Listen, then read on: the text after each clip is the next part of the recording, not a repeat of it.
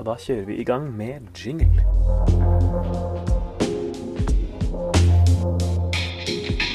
Du hører på det beste fra Radio Nova.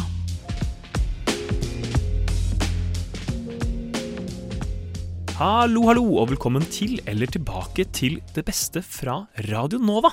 Podkasten der jeg, fagsjef Alexander, tar deg med på en reise gjennom det beste som har blitt gjort på lufta her på Oslo-studentenes helt egen radiokanal, denne gangen fra uke åtte. Vi skal i dag høre Sorgenfris eh, svindelkonkurranse, en reisedagbok fra Espen i Frokost, og vi skal en tur innom Vitenselskapet for å høre dem snakke om tatoveringer og kroppsmodifikasjoner mens en blir tatovert i studio. Men først skal vi høre om mannens rolle etter feminismen, med Runa Årskog fra Opplysningen. Kvinner ble sett på nærmest som en annen art. Som ikke har rasjonelle evner. Altså på en måte er virkelig underdannet. Og det var jo ganske med normen gjennom vår beste historie. Kvinner kunne jo ikke arve gårder eh, før i 1974. Veldig mange gutter i dag de vokser opp med en helt annen tillatelse til å være lei seg og triste og synes at ting kan være vanskelig. Jeg syns jo at dette med kvinnefattigdom er en veldig stor utfordring. Både menn og kvinner eh, mister veldig mye muligheter. Så jeg har vært opptatt av at menn også skal få nye muligheter gjennom likestillingskampen. Du lytter til serien Kvinnekampen. Dette er episode to. Mannsrollen etter feminismen. Det er en undervurdert rolle av likestillingskampen eh, som har vært i Norge og i de nordiske landene og, og deler av Nord-Europa. Det er den enorme revolusjonen som har skjedd i menns liv. Dette er Helene Aarseth. Hun er professor på Senter for tverrfaglig kjønnsforskning på Universitetet i Oslo. Aarseth har spesialisert seg på kjønn, kjønnsbalanse og den moderne familie. I denne episoden skal hun hjelpe oss med å forstå hvordan likestillingskampen har påvirket menns liv. Og kanskje hjelpe oss med å nøste opp i hvorfor så mange menn føler seg så utrygge i det moderne samfunnet. Det er ingen tvil om at feminismen har endret hele samfunnet for oss alle sammen. Samtidig som kvinner har fått muligheten til å ta del i arbeidslivet og samfunnet utenfor hjemmet, så har også mannen fått mer plass på innsiden av husets fire vegger og i oppdragelse og omsorg. Omsorg ikke bare handler om liksom, det praktiske mm, knyttet til husarbeid og smøre matpakker og skifte bleier, men at omsorg handler om å være i kontakt med menneskelige behov og menneskelige prosesser, og at det å ha omsorg for hverandre også kanskje henger litt sammen med din egen omsorg for deg selv. At menn kanskje har vært liksom frarøvet, da, hvis man setter det litt på spissen, muligheten til å ta vare på ikke bare menneskene rundt seg, men også til å ta vare på seg selv. Aarseth påpeker at de tradisjonelle kjønnsrollene også henger sammen med den tryggheten den tradisjonelle kjernefamilien har representert i en markedsstyrt verden.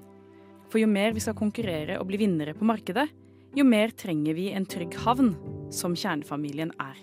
Og modernisering av samfunnet bringer ikke bare med seg oppbrudd i de tradisjonelle, trygge familierammene. Den skaper også mer kompleksitet, og hvor forståelse av menneskelige relasjoner har blitt mye viktigere. I de siste tiårene så har det liksom vært sånn, altså siden kanskje kvinnene kom ut i arbeidslivet i stor skala, så har det vel vært litt sånn at um, vi lever i et samfunn hvor det å være god på å forstå menneskelige relasjoner og samspill og reaksjoner er blitt viktig på en ny måte. Altså, forskerne kaller det liksom emosjonell kompetanse. Kunne kommunisere, kunne være i kontakt med sine egne følelser, lese sine egne følelser og lese andre menneskers følelser for å samspille. Og jeg tenker at det, det er en del av det som liksom noen ganger kalles feminiseringen av samfunnet, som jeg tenker ikke er en feminisering, men er en modernisering, rett og slett. Altså at um, samfunnet er blitt mer komplekst og avansert på den måten. Og jeg tror at det har også blitt en liksom utfordring for noen av de som på en måte har holdt seg fast i, i den gamle mannsrollen. Men også at det står i konflikt på mange måter da, med det som kreves av menn. Fordi det som kreves av menn, er jo at, også at de skal være krigere. Og at de skal være um, effektive, sterke, kompetitive i arbeidslivet. Så, så, det er jo veldig mange forskjellige krav som stilles til oss. Og at noen menn kanskje har hatt, eller har, da, øh, opplever at de kommer til kort i forhold til dette. Og, og kaller det for feminisering av samfunnet. Øh, mens det kanskje egentlig handler bare om samfunnet som utvikler seg. Modernisering av samfunnet åpner med andre ord for at flere skal kunne gjøre det bra og lykkes. Det paradoksale blir derfor at det fortsatt er menn som får lederstillinger. Som rett og slett når toppene i samfunnet. Men hvorfor er det slik? Og det er det jo mange som forsker på for tiden. Det er noe annet som kreves videre oppover i systemet, så de med fare for å bli liksom stereotyp, så er det liksom sånn de maskuline egenskapene blir viktigere når du kommer oppover i, i hierarkiet, da. Som hva da? Uh, som altså å være kompetitiv, ambisiøs, målrettet, ha veldig høy selvtillit, tro på deg selv, ikke være usikker, ikke være for selvkritisk, og ha evne til å være litt instrumentell og kanskje um, prioritere det som uh, er smart å gjøre. Eh, og ikke mm, bruke altfor mye tid på prating over, over, kaffemaskinen og løse andre kollegers eh, problemer og, og sånn, men, men, men, liksom på en måte fokusere på det som må gjøres for å vinne i systemet.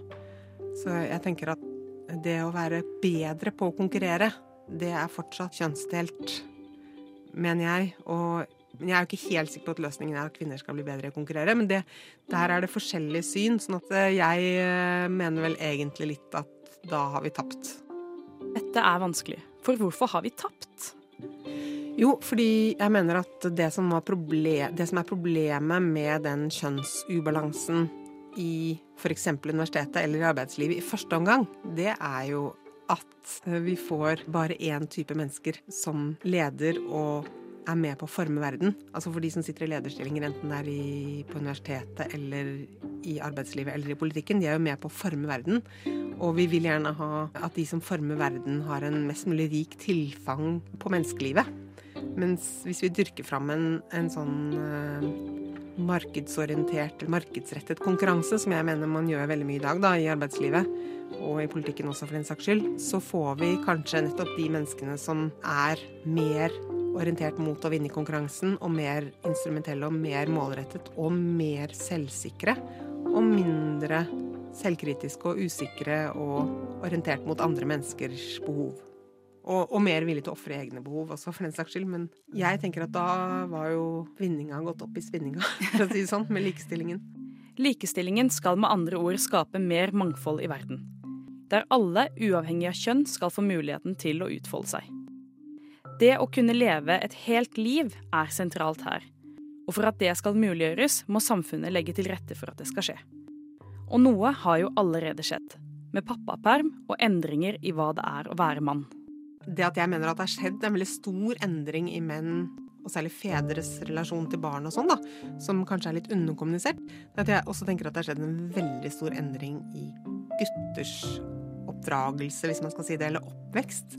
Og det som jeg, som jeg, også tenker er litt sånn underfokusert, og som har fått litt lite oppmerksomhet. Jeg tenker at veldig mange gutter i dag, de vokser opp Altså sånn smågutter i dag, da. At de kan, de kan gråte.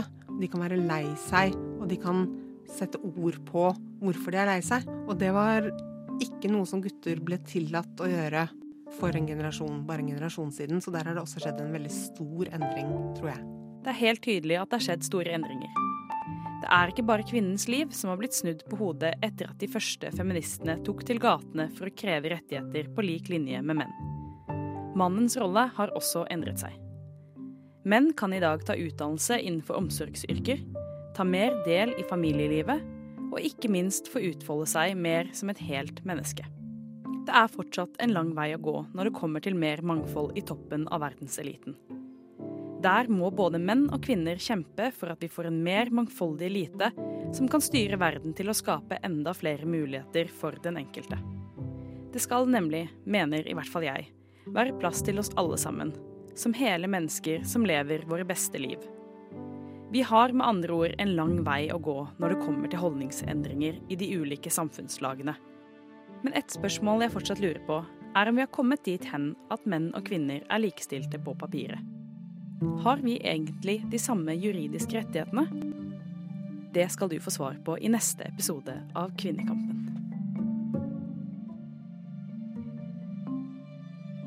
Her hørte vi altså Runa Årskog fra Opplysningen snakke om mannens rolle etter feminismen.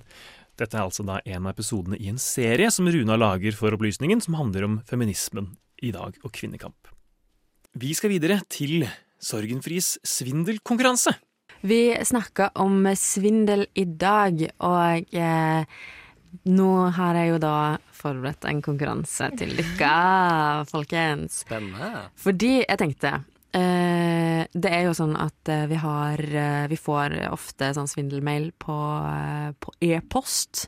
Eh, og ofte så har jeg jo veldig sånn en type måte de skriver på, eller litt sånn der, eh, enten på engelsk eller på norsk, eller ja, og litt sånn dårlig kanskje.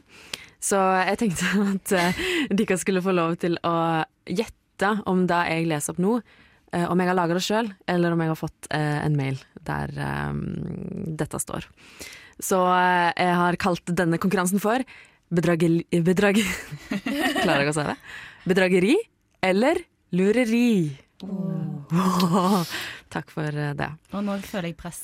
Ja, nå må du føle på presset, for no, dette er, Det er står veldig lave forventninger. Lave forventninger til meg sjøl. Ok, ok. Vi begynner på uh, mail nummer én. Eh, I emnefeltet så står det jo da Takk for at du kom til bensinstasjonen. Ser deg snart. Og så står det Du har besøkt vår bensinstasjon, og ditt kjøpsnummer eh, Så står det sånn eh, stjernetegn.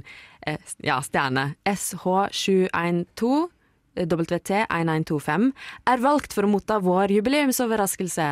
Din jubileumsdag er skjellkort som gir deg seks måneders drivstoff uten kostnad. Ja, du leser det riktig, du trenger ikke å bekymre deg for prisen på drivstoff i løpet av de neste seks månedene. Og så er det en link som jeg kan trykke på. Oi. Hva, var, dette, var dette lureri? Altså laga meg? Eller bedrageri? Forsøk på svindel? Oi, oi, oi, oi. Mm, Shit. Hva tror dere, jenter og gutter? Altså, jeg hadde jo hvis, eh, Jeg føler jeg kunne fått den i e-posten min. Ja. I innboksen, mener jeg. mhm. En mail fra Shell. Mm. Mm. Hva, kan du lese emnefeltet igjen? Emnefeltet var 'Takk for at du kom til bensinstasjonen'. Punktum. Ser deg snart. Punktum. ah, Men det står ikke hvilken bensinstasjon det er, eller? Nei, men det var snakk om Shell her, da. Ja. Skjellkort og så videre og så videre. Mm. Altså, det, det, det er jo åpenbart eh, noen som prøver å svindle, da, men om det er deg eller om det er noen der ute, det er det som er spørsmålet. Ja, OK.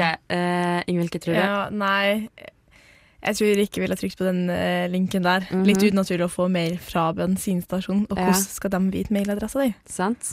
Men tror du det var jeg som har laga den, eller tror du det var Kjell? Uh, du. OK, Ingeborg.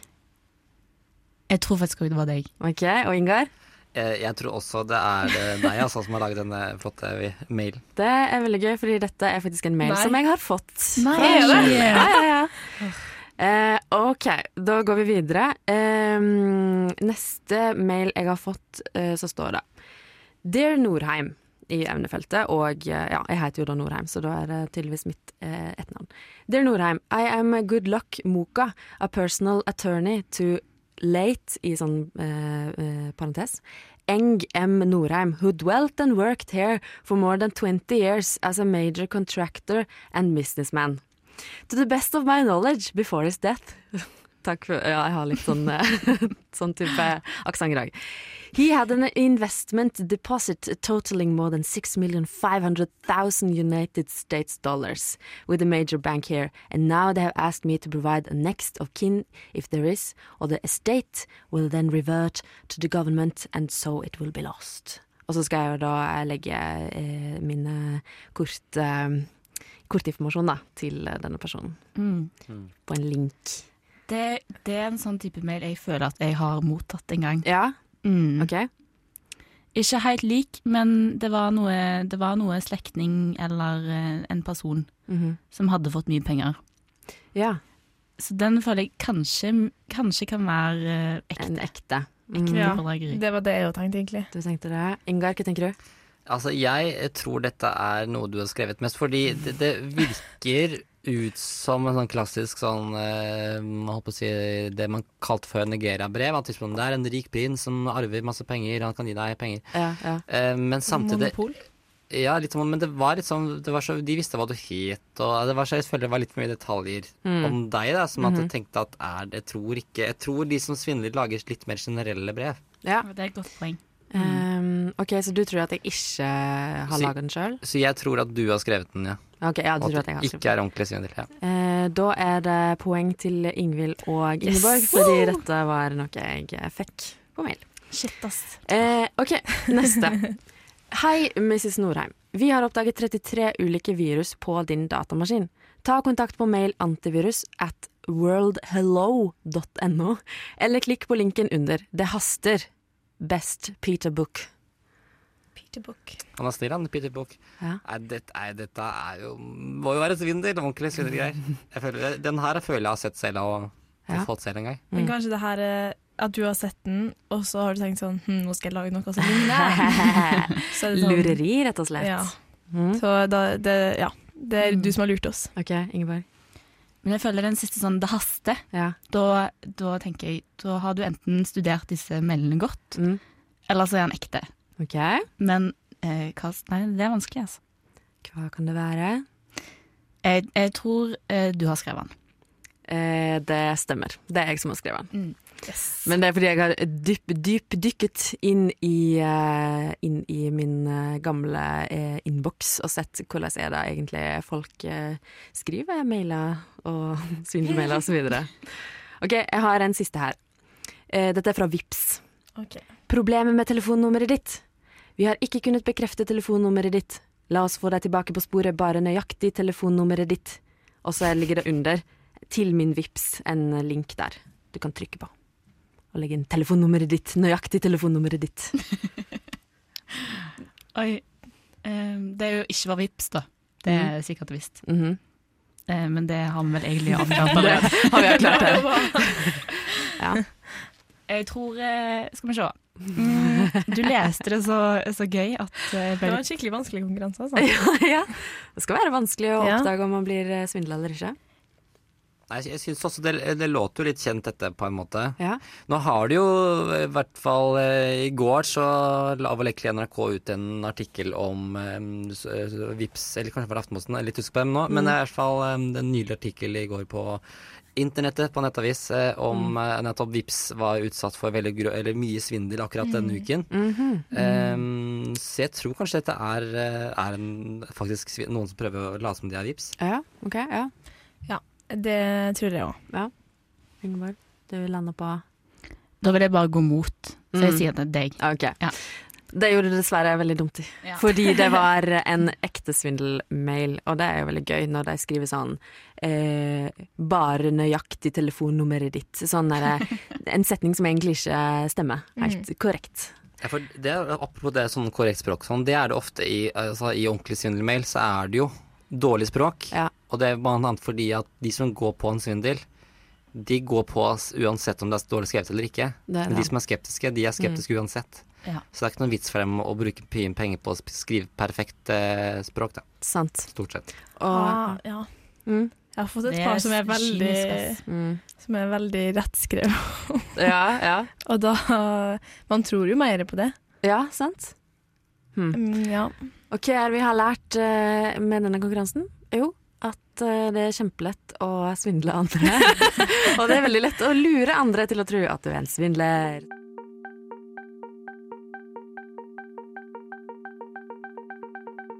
Radio Nova. Der hørte vi altså svindelkonkurransen til Sorgenfri fra spesialsendingen om svindel.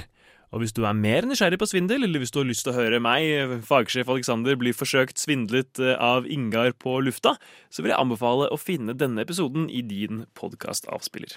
Vi skal videre. Vi skal til frokost for å høre om eh, Espens reisebrev.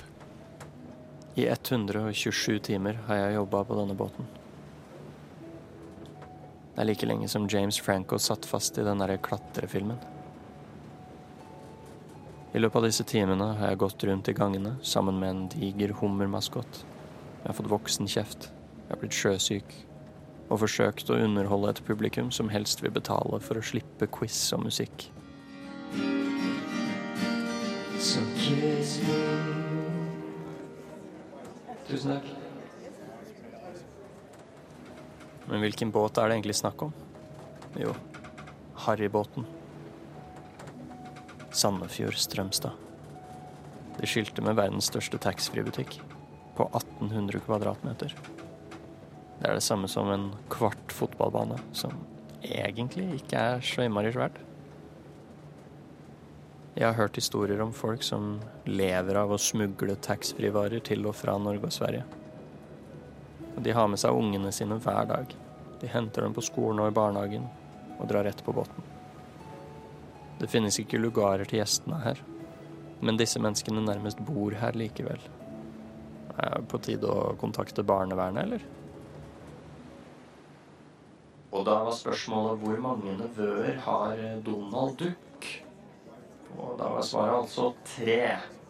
Ole Dole og Doffen eh, der. Og var det noen som eh, kom fram til det svaret, eller?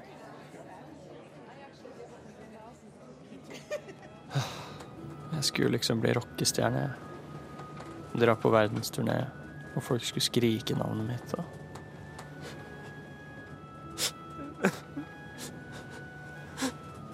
Jeg vil hjem. Så skru av mikrofonen. Skru, skru den av, faen.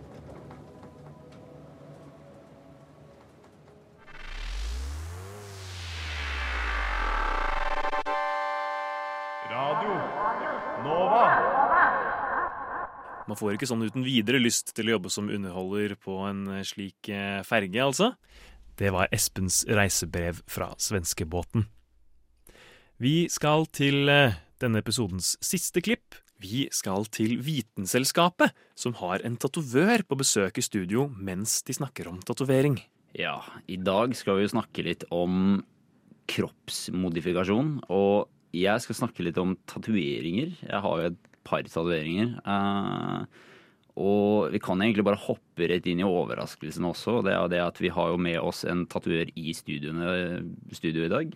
Eh, Ja, nå skal det skje en live tatovering. Live tatovering av meg, faktisk. Eh, så det blir interessant. Vi har da med oss Monica fra hva er det? Working Class Tattoo på, på Grønland. Eh, Så hun har vært så kul å faktisk eh, møte opp her i studioet vårt eh, for å tatovere meg. Så det blir, blir interessant å, å sitte og snakke på radioen mens jeg mottar smerte i fingeren min. Så, ja. Jeg gleder meg. Jeg, jeg, jeg gleder meg egentlig, jeg også. Så Men vi har jo bare en halvtime på oss, da, så jeg håper du har valgt noe litt lite, Kristoffer. Ja, det har jeg. Eh, Så nå skal hun, eh, nå skal hun starte med å, å tatovere ganske snart. Så da blir det sikkert litt bråk i bakgrunnen her, men eh, det får vi bare tåle. Mm. Så Så hvis lytterne hører noe sånn summing, så er det rett og slett Kristoffer som blir tatovert her i studio. mm. Ja, oh. jeg tror man kan høre det. Men forhåpentligvis så er det ikke for plagsomt. Hvordan er smertene, Kristoffer? Nei, det var ikke så veldig ille, faktisk. Det Altså, jeg, jeg regna egentlig med at eh, tatovering på fingeren ikke kommer til å være så fryktelig ille, men jeg har hørt noen si at det er ganske kjipt. Men det er veldig forskjell da, fra person til person. Ja, kan ikke du beskrive hva hva du skal få tatovert, og hvor. Eh, Nå har du avslørt at det er på fingeren. Ja, eh, altså jeg tenkte jo som så det at jeg har jo ikke noe kjærlighet i livet mitt eh, for tiden, så hvorfor ikke tatovere kjærlighet i kanji på ringefingeren min? Bare sånn, hvorfor ikke? Så ja, nei, så, så det. Men eh, altså smerten er vel Altså, jeg, jeg vil beskrive tatoveringssmerte som litt sånn stikkende brennende. Eh, og litt som en sånn Hvis du har blitt stukket av en bie før. Eh, litt, litt sånn samme typen. Eh, men det, det, det avhenger litt fra sted til sted, egentlig. Noen, noen steder føles det som noen papirkuttere. Og det er ikke så digg. Nei, for jeg har hørt langs ribbeina kan være et av de vondeste stedene. For der er det sånn ganske tynn hud ofte. Ja, jeg har hørt, hørt dette, jeg også. Så, og jeg Altså, jeg har en tatovering på ribbeina, jeg syns ikke det var så ille. Men det er veldig individuelt. Så når folk spør meg gjør det vondt, så sier jeg bare jeg vet ikke. Det, for meg så var det sånn og sånn, men for deg så er det ikke sikkert det. Så Har du et sted hvor, hvor det var, du kjente mest smerte når du tok tatovering? Brystkassa, definitivt. Midten av brystkassa, det var, det, var så, det var så jævlig. Altså, Jeg visste ikke hvor jeg skulle gjøre av meg. Hadde, hadde vi tatt den i studio nå, så kunne jeg ikke ha snakka. Liksom. Jeg hadde, jeg hadde bare sittet og grinet i et hjørne, sikkert. Så, ja, nei. Men grunnen til at du blir tatovert i det hele tatt, er jo fordi vi skal snakke om eh, kroppsmodifiseringer her i dag. Korrekt. Eh, så du kan jo kanskje snakke litt om vitenskapen bak eh, tatoveringen nå mens du eh, får deg en. Ja. Nei, altså det som er Altså jeg tenker jo Jeg liker å starte litt liksom fra starten. Hvor er det ting kom fra? Hvor er det det begynte? Og, men når det kommer til tatoveringer, så er ikke det så veldig lett. Fordi vi vet egentlig ikke når tatoveringen faktisk begynte. Uh, og, men den, den eldste personen vi har funnet med tatovering, eh, er han godeste ismannen Øtzi. eh, Som jeg tror vi har snakket om tidligere. eh, Som levde for ca. 5000 år siden. eh, Og som hadde hele 61 tatoveringer på kroppen. 61. Ja, Det er imponerende. Ja, ja, så det er ganske sjukt. Så, og det er liksom Tatoveringa har jo hatt, og har fortsatt en dag i dag, en god del forskjellige kulturelle og religiøse betydninger. Eh, og det, hva det betyr, er jo litt sånn avhengig av hvor i verden det er. Så drar du til Japan eksempel, så har de en veldig sterk, lang tradisjon, flere tusen år gammel tradisjon med tatoveringer. Eh, men eh, det er jo ikke det er, det er vel ikke så Altså, det er veldig stigmatisert da i Japan, eh, fordi det er forbundet med yakuza og liksom kriminelle. Og samme gjelder jo egentlig Kina også, med, med triadene. Så, men jeg mener at det er kunst på kroppen. Uh, og jeg tror veldig mange i Vesten eh, anser det for å være det, i hvert fall nå i dag. Uh, før så var det også litt sånn her at det var kriminelle. Men det starta jo som en sånn markering for uh, en yrkesgruppe, så sjøfolk. De brukte det som en sånn et symbol nærmest da, på at de er sjømenn. Da. Eh, så, så det er litt sånn litt interessant hvordan liksom du ser fotballsupportere gå med, med Liverpool og United og Tottenham-drakter. Eh, og så kommer sjø, sjømenn med gjerne svaler og, og ankere og sånt. Eh, tatovert på seg. Nå i dag så er det jo alle, alle Jeg har tre svaler, så jeg er ikke sjømann. Så ja. Og det er jo visse, som jeg bare hørt, da, visse sånn militære grener som har spesifikke tatoveringer bare for sin egen avdeling. Ja, ja, helt korrekt. Og det er jo blitt en greie sånn i liksom kulturen vår som det har på en måte morfa litt med eh, den moderne kulturen. Og det er ganske interessant å se hvordan vi mennesker på en måte bruker Altså vi, vi liker jo å flokke oss i grupper eh, og vise tilhørighet, eller ha en tilhørighet da, til, til forskjellige grupper. Og tatoveringen blir på en måte en sånn eh, en greie da, hvor du kan, kan markere på kroppen din da, hvor du eh, hvor, du hører hjemme. Uh. Men Kristoffer, eh, nå er det sånn at jeg, jeg ser ikke helt hva som eh, skjer der borte, for det er en sånn skjerm i veien og sånn. Kan ikke du beskrive det, hva som faktisk skjer? Nei, altså Det som skjer, er at hun tatoverer meg. da. Hun uh, sitter veldig konsentrert og uh, stikker en nål inn i huden min, eller trykker på en pedal da, som jabber en nål inn i huden min uh, flere tusen ganger i minuttet. symaskin, eh, på en måte. Ja, med blekk på, på enden. Og det er jo egentlig det tatovering er. Det er et spisst objekt som har blekk på seg og fører det ned i liksom lærdelen av, av hudlaget ditt. Da. Uh, altså det nederste laget i huden din. Og så blir det der permanent. For det kan jo, man kan jo teknisk sett gjøre det samme med en nål. Ja, man kan det. Og Det tar bare litt lengre tid, kanskje. Ja, det gjør det jo. Eh, Det er jo fortsatt eh, veldig sterk tradisjon flere steder i verden for sånn såkalt manuelle tatoveringer. Eh, Men her i, her i Vesten så kjører vi på med, med skarpladd uh, tatoveringspistol uh, istedenfor. Yes, Det blir spennende å se om uh, hun blir ferdig i løpet av denne lille halvtimen vi har her i dag, da. Ja, det satser, satser på det. Så, så ja. Eller så blir det bare halv kjærlighet. ja. Det er litt som livet mitt, egentlig.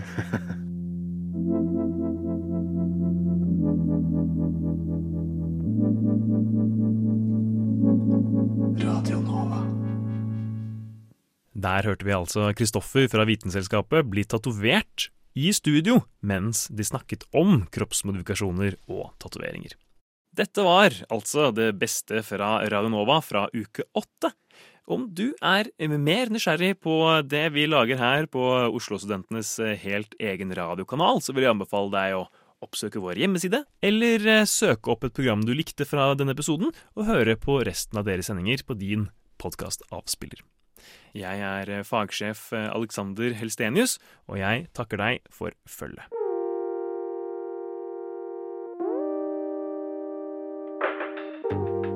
Du har hørt på en Radio Nova-podkast. Finn flere podkaster på radionova.no eller på din foretrukne podkasttjeneste.